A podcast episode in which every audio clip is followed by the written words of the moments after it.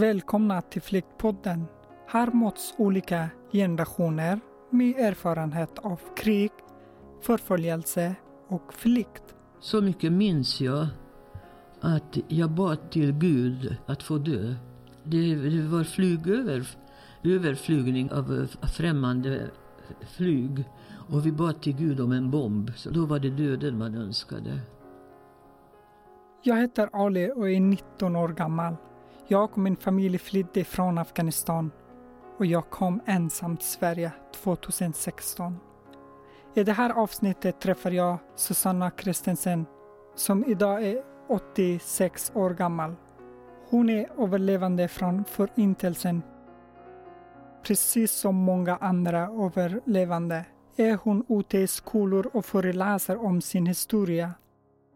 Efter föreläsningarna kommer ibland elever som jag fram och ställer frågor. Det är då de riktiga samtalen börjar. Det är ett sådant samtal ni ska få höra här. Jag är Susanna Kristensen och eh, jag, jag är en tant som skulle kunna vara din mormors mor. Susanna föddes i Ungern 1933. Hennes föräldrar, Lukas och Elisabet, var judar. Under Förintelsen mördades över 6 miljoner judar. Också romer och polacker utsattes för folkmord grundade på rasistiska föreställningar. Nazityskland förföljde, fängslade och mördade tusentals andra människor. Bland annat många funktionsnedsatta och homosexuella. Den första omfattande övergreppet på judar i Ungern ägde rum i juli och augusti 1941. Efter tyska påtryckningar deporterade de ungerska myndigheter 16 000 judiska flyktingar utan ungerskt medborgarskap. Och i mars 1944 så blev Ungern ockuperat av Nazityskland. Judarna i landet började samlas ihop och deporterats till olika arbets och förintelseläger. I juni 44 vart vi deporterade. Mm. Först, först till, en, till läger i Ungern där de samlade ihop hela länets judar. Och, och, och, och sen uppdelade i transporter lämnade vi Ungern i jättestora boskapsvagnar där vi eh, under fyra, fyra dygn. Och eh, då, då, de delade in oss i tre, tre, tre grupper i det här ungerska lägret. Mm. Så första gruppen fick vi senare reda på och hamnade direkt i Auschwitz. Men andra gruppen, vi åkte norrut. Så mycket visste vi för, genom att det fanns en liten lucka och, i, i, i den där boskapsvagnen och där folk kunde titta ut. Mm. Så det var en fruktansvärd resa på fyra, fyra dagar. Det här var som, sommaren 44, jag är 11 år. Tågets mål var ett arbetsläger där föräldrarna fick tvångsarbeta. Men efter en tid så flyttade Susanna och hennes föräldrar igen. Nu till koncentrationslägret Bergen-Belsen. De kom fram dit i december 1944. Jag kan tala bara i egenskap av barn, mm. som jag, jag, kände då. Eh, hunger, svält, svält, svält. Alltid svält. Allt, alltid eh, prata om mat. En, en, en li, li, liten pojke på en bridge, en liten sexåring, höll på långa stunder på dagarna och bara sjöng. Bara en munsbit bröd, bara en munsbit bröd, bara en munsbit bröd. Sjungande på ungerska. Så, så svält, svälten var ju hårdast för, för oss barn. För vi upplevde inte, jag upplevde inte själva tragedin, begrep man knappast. Men jag, jag var trygg fortfarande mm. med mina föräldrar. Vi slapp ju Auschwitz så, så vi var sammanhållen familj. Men det, det var det fysiska som var svårast vad jag såg min, hos min pappa, det, det var ju att, han pratade mindre och mindre. Till sist tystnade han.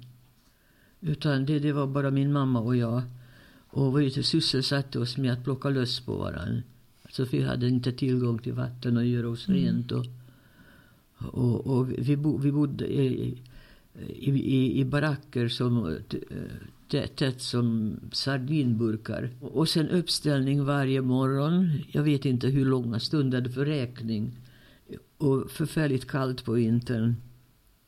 Men jag vet att så mycket minns jag att jag bad till, till Gud att, eh, att få dö. Det, det, det, det, det, det, det var flygöver, flyg, överflygning av, av, med, av främmande flyg. Och vi bad till Gud om en bomb som skulle ta slut på, eh, på, på, på, på det här så vi slapp och just eh, närheten av till döden var, var, var väldigt nära det också. Särskilt mot slutet, ju, ju svagare man blev. Ja, då, då, då var det döden man önskade. Den 15 juni 1945 befriades lägret av engelska soldater. De mötte en fruktansvärt syn. Minst 13 000 döda staplade i höger och nedskäfflade i enorma gropar. 60 000 funkar var vid liv. Många så svaga att det var svårt att skilja levande från döda. De fasansfulla bilder och filmer som togs av engelskmännen chockade en hel värld. Ytterligare 13 000 av fångarna dog efter befrielsen.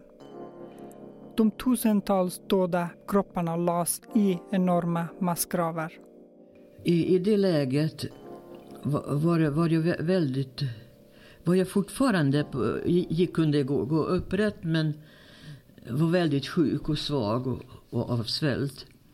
Och um, ut, ut, ytterligare några efter, och två dagar senare, den 17 april, eh, dog min pappa. Och, och sen var vi kvar ett tag till medan engelsmännen, innan de hann, innan de, de hann flytta på oss därifrån. Då, då vi för, förflyttades därifrån till, till en jättestor kasern som de omvandlade till, till sjukhus. Så vi var i en sal på, jag vet inte, En jättestort sal fullt med bäddar. Mm. Och, och då, då, då, i det läget, då, då var min mamma så pass... Eh, då, då var hon mer eller mindre med, medvetslös i det läget. Och jag själv så pass dålig att jag kunde inte gå upprätt. Jag kunde bara lyfta huvudet. Så hade, hade britterna kommit någon vecka senare så hade också vi dött. Alltså. För folk har dött de, de sista veckorna dog undan för undan. För undan. Susanna och hennes mamma kom till Sverige i juli 1945. De fick börja med att sitta i karantän och bo i ett flyktingläger under en tid innan ett nytt liv började. Men det var inte så enkelt. I början av januari började skolan alltså, så jag hade fullt upp med mitt. Jag hade inte... En, vi, vi, hade inte varandra så. Utan jag hade, och, och där hade jag tre man kan säga tre helvetiska första år i, i, i Sverige som en enda utlänning, en, en enda mörka. Jag var väldigt mörk. Mm. Kanske så, som dig i håret, en aning ljusare i huden, mm. men inte mycket. Mm. Och, det var mycket ovanligt. Jag var den en, enda i hela skolan. Och så placerades jag som 13, för då hann jag bli 13 år 1945 i februari. Placerades i tredje klass bland nio tio, nioåringar. Mm. Och, eh, och där, där gick jag en termin, alltså vårterminen 46. Eh, gick jag där och, och sen så satte de mig som extra elev i realskolan. Alltså sko, skolsystemet i Sverige var sju, sjuårig obligatorisk. Mm. Men, men, men, sen kunde man fortsätta från sex år till fyra år realskola och då fick man realexamen. Och så de satte mig i som extra elev i första klassen med jämngamla i det här realskolan. Och, och, på den tiden, alltså året 46, alltså mitten på 40-talet, de, de, de, som gick realskolan, det var bättre bemedlade människor. Alltså man kan säga mera medelklass eller sånt. Och jag var inte godtagen där, utan jag var utfryst. Det kallas för mobb, mobb, mobb, mobba. Mm. Och jag var 13 år och totalt ensam. Inga kamrater, ingen väninna när man gärna vill ha en väninna. Och när jag beklagade mig för min mamma då sa hon, du har ju mig, sa min mamma. Mm. men, men inga kamrater. När jag försökte närma mig andra tjejer i klassen som var några ihop och då slöt de sig till en tät, tät ring. Uh, släppte inte fram mig. Jag har, varit, jag har varit ganska van med det svenska samhället. Jag har haft vänner.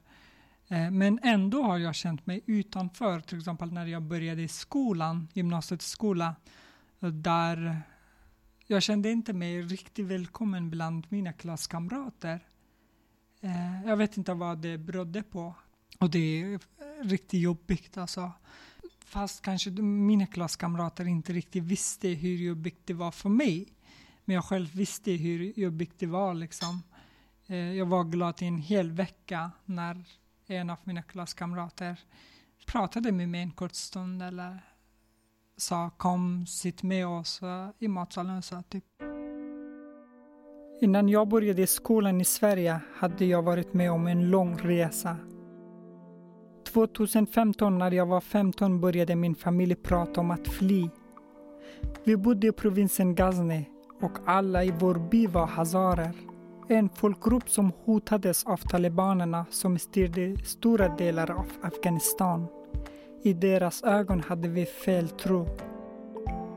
Vi hade hört om förföljelse och mord på hazarer i andra delar av landet och vi var rädda att det skulle komma till oss. Jag och de tre andra i familjen bestämde oss för att fly. Vi skulle ta oss till Europa via först Iran, sen Turkiet. För att komma till grannlandet Iran var vi först tvungna att ta oss till provinsen Hirat. Där träffade vi smugglarna. när vi träffade smugglaren så berättade de att det är en lång resa. Det tar eh, det har tagit två veckor för de som har eh, gått den här eh, vägen till Iran. Ni ska ha mat med er, alla typer av medicin. Eh, man, man kan bli sjuk, eh, man kan skada sig och det finns tjuvar på vägen. Så vi var jätterädda, verkligen rädda för allt de här sakerna. Och under, dag, under eftermiddagen så skickade de iväg oss eh, små bilar placerade de ungefär 15-16 personer. De här bilarna är i vanliga fall kanske för 5-6 personer men vi kom fram till eh, tills gränsen mellan Turkiet och Iran så var vi tillsammans då. Och eh, det var natt, kallt, mörkt. Vi gick eh, flera timmar tills vi kom fram till Turkiet och nära Turkiet vid gränsen där. Vi var runt 200-300 personer. Familjer, små barn, unga människor och så. Bland oss var det smugglaren också. Och de berättade att ni är vi nästan framme i Turkiet. Nu får ni sitta lite, ta det lugnt. Det var två, tre på natten.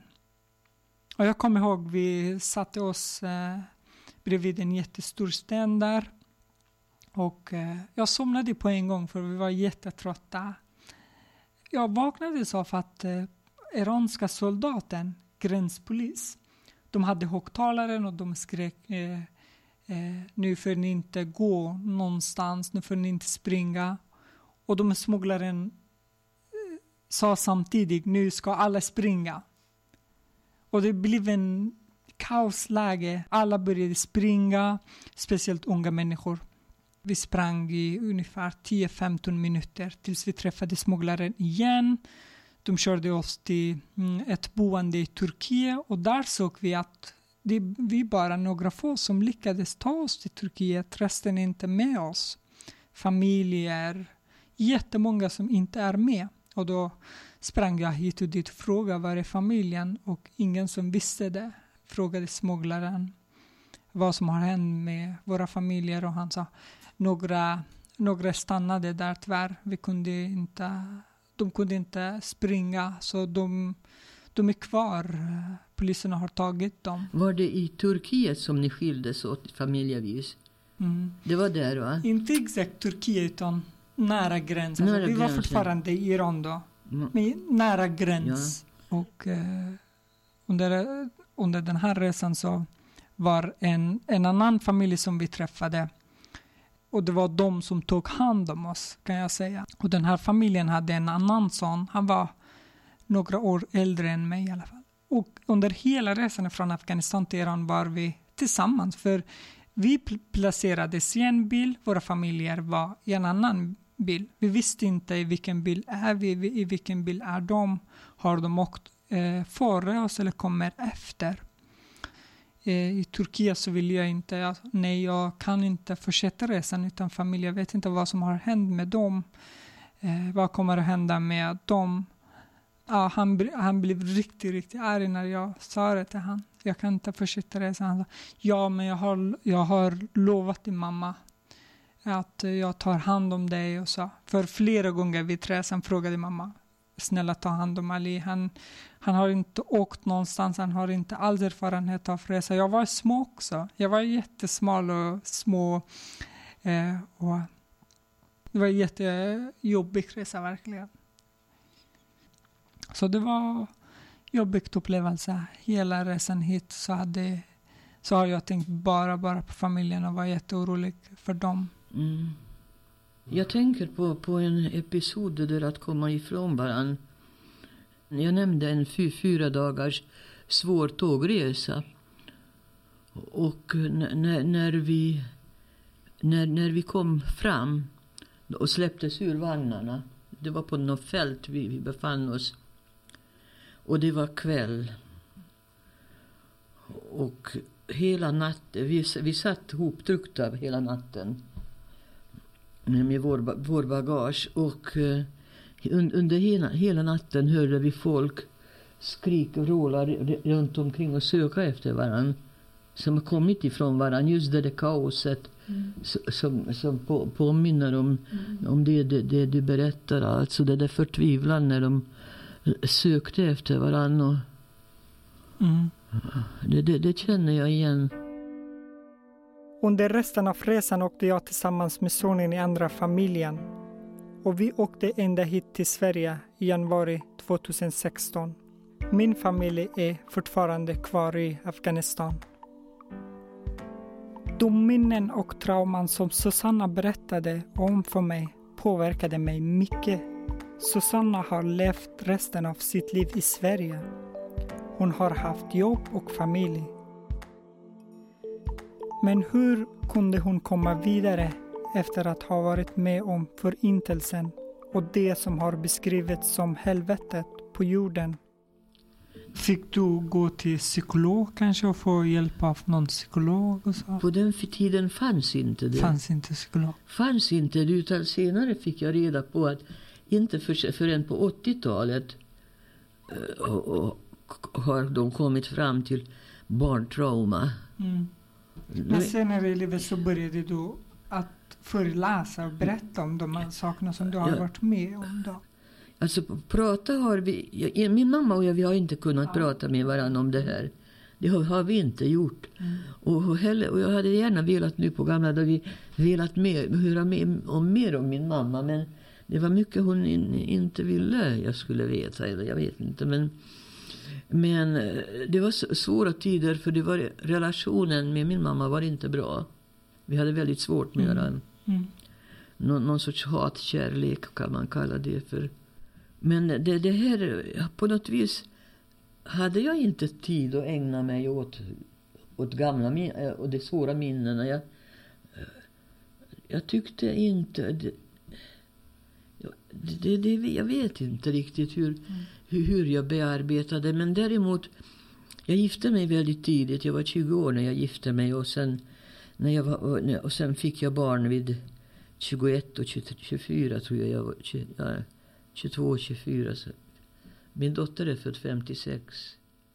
Jag började berätta när min dotter gick i tredje klassen.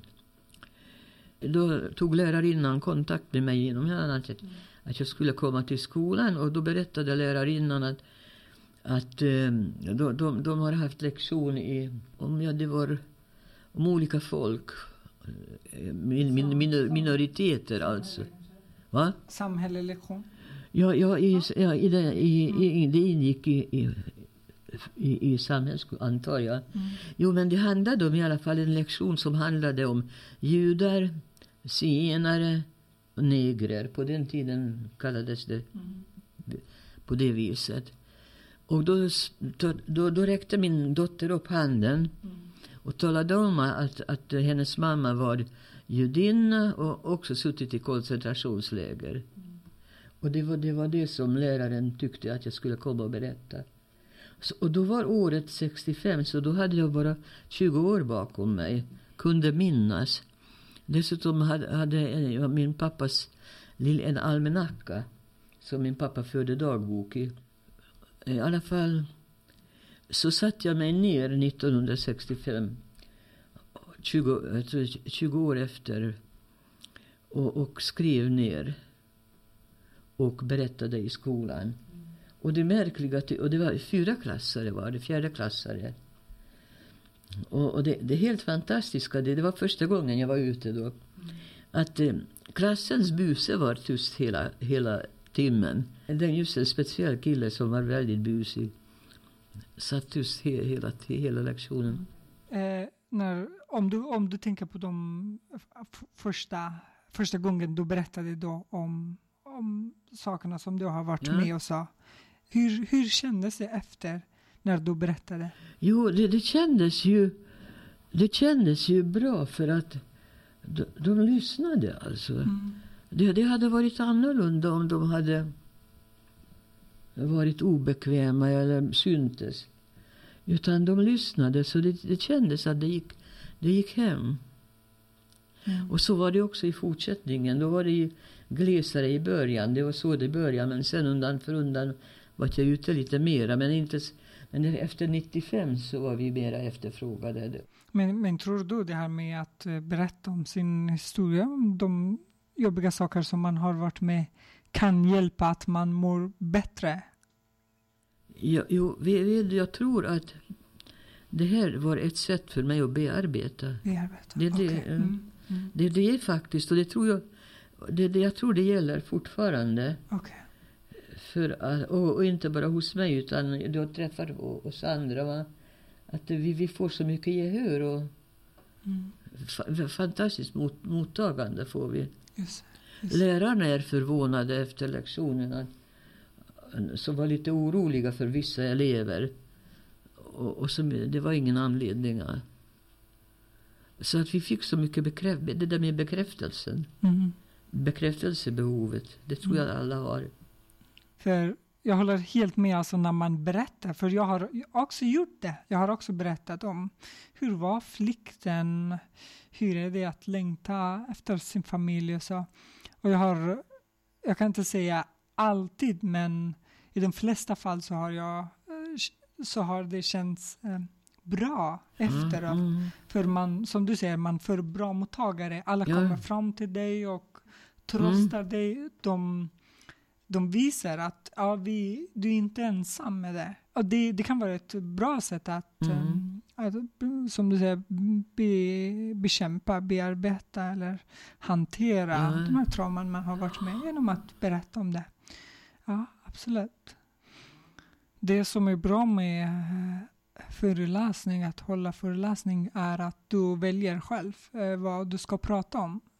Du behöver inte prata om saker som gör riktigt ont, men det kommer komma frågor. Det kommer frågor som man eh, behöver svara på, men där finns också liksom en gräns. Man, jag gör så att jag sätter en gräns, hur mycket ska jag berätta? Eh, och det är såklart eh, att man blir ledsen. Man blir verkligen ledsen när man berättar om saker som man har varit med. Hur, hur brukar du göra? Alltså, så, som jag sa så använder jag, jag använder manus. Så att jag har hela tiden samma saker och det här manuset hjälper mig. att hålla det hela på avstånd. Susanna säger att det som hon har varit med om själv har gett henne perspektiv på det som händer i världen idag. Jag tänker på, på det som händer idag i Jemen och allt till exempel. Och Afghanistan och, och, och he, hela alltihopa. Så, och, och så om jag jämför, sätter allting i, i relation.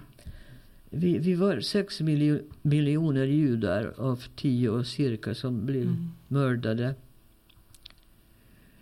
Och, eh, men, men sex miljoner av, av 30 var vi judar eller något sånt. Att siffrorna är osäkra men det, omkring 30 miljoner som, blev, som omkom under andra världskriget. Både civila och, och, och, eh, och av, av, av vid, vid sex miljoner judar. Och, och skillnaden är, är, ju att vi skulle utrotas. De andra skulle inte, inte utrotas utan de dog av... Som, de, det bara blev så att de dog. Mm. Och det, det, är ju fortfarande, folk svälter ihjäl i Jemen och, utan att bli direkt mördade. Ja. Men ändå krigets offer. Så, eh, så att eh, jag, jag har fått perspektiv på det hela.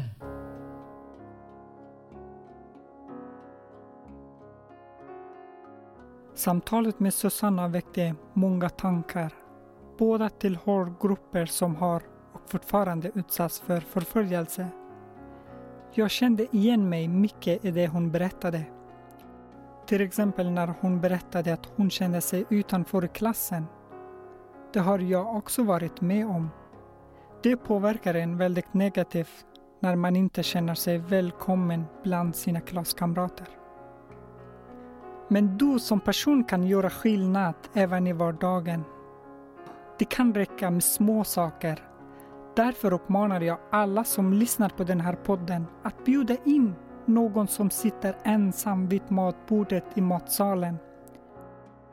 Var mer öppna. Det kan göra större skillnad än vad du tror. Ni har hört Flyktpodden från Fanzingo. Podden är finansierad med medel från Myndigheten för ungdoms och civilsamhällsfrågor. Producent var Marcos Morey Haldin. Projektledare var Samuel Sjöblom och jag heter Ali Zardadi.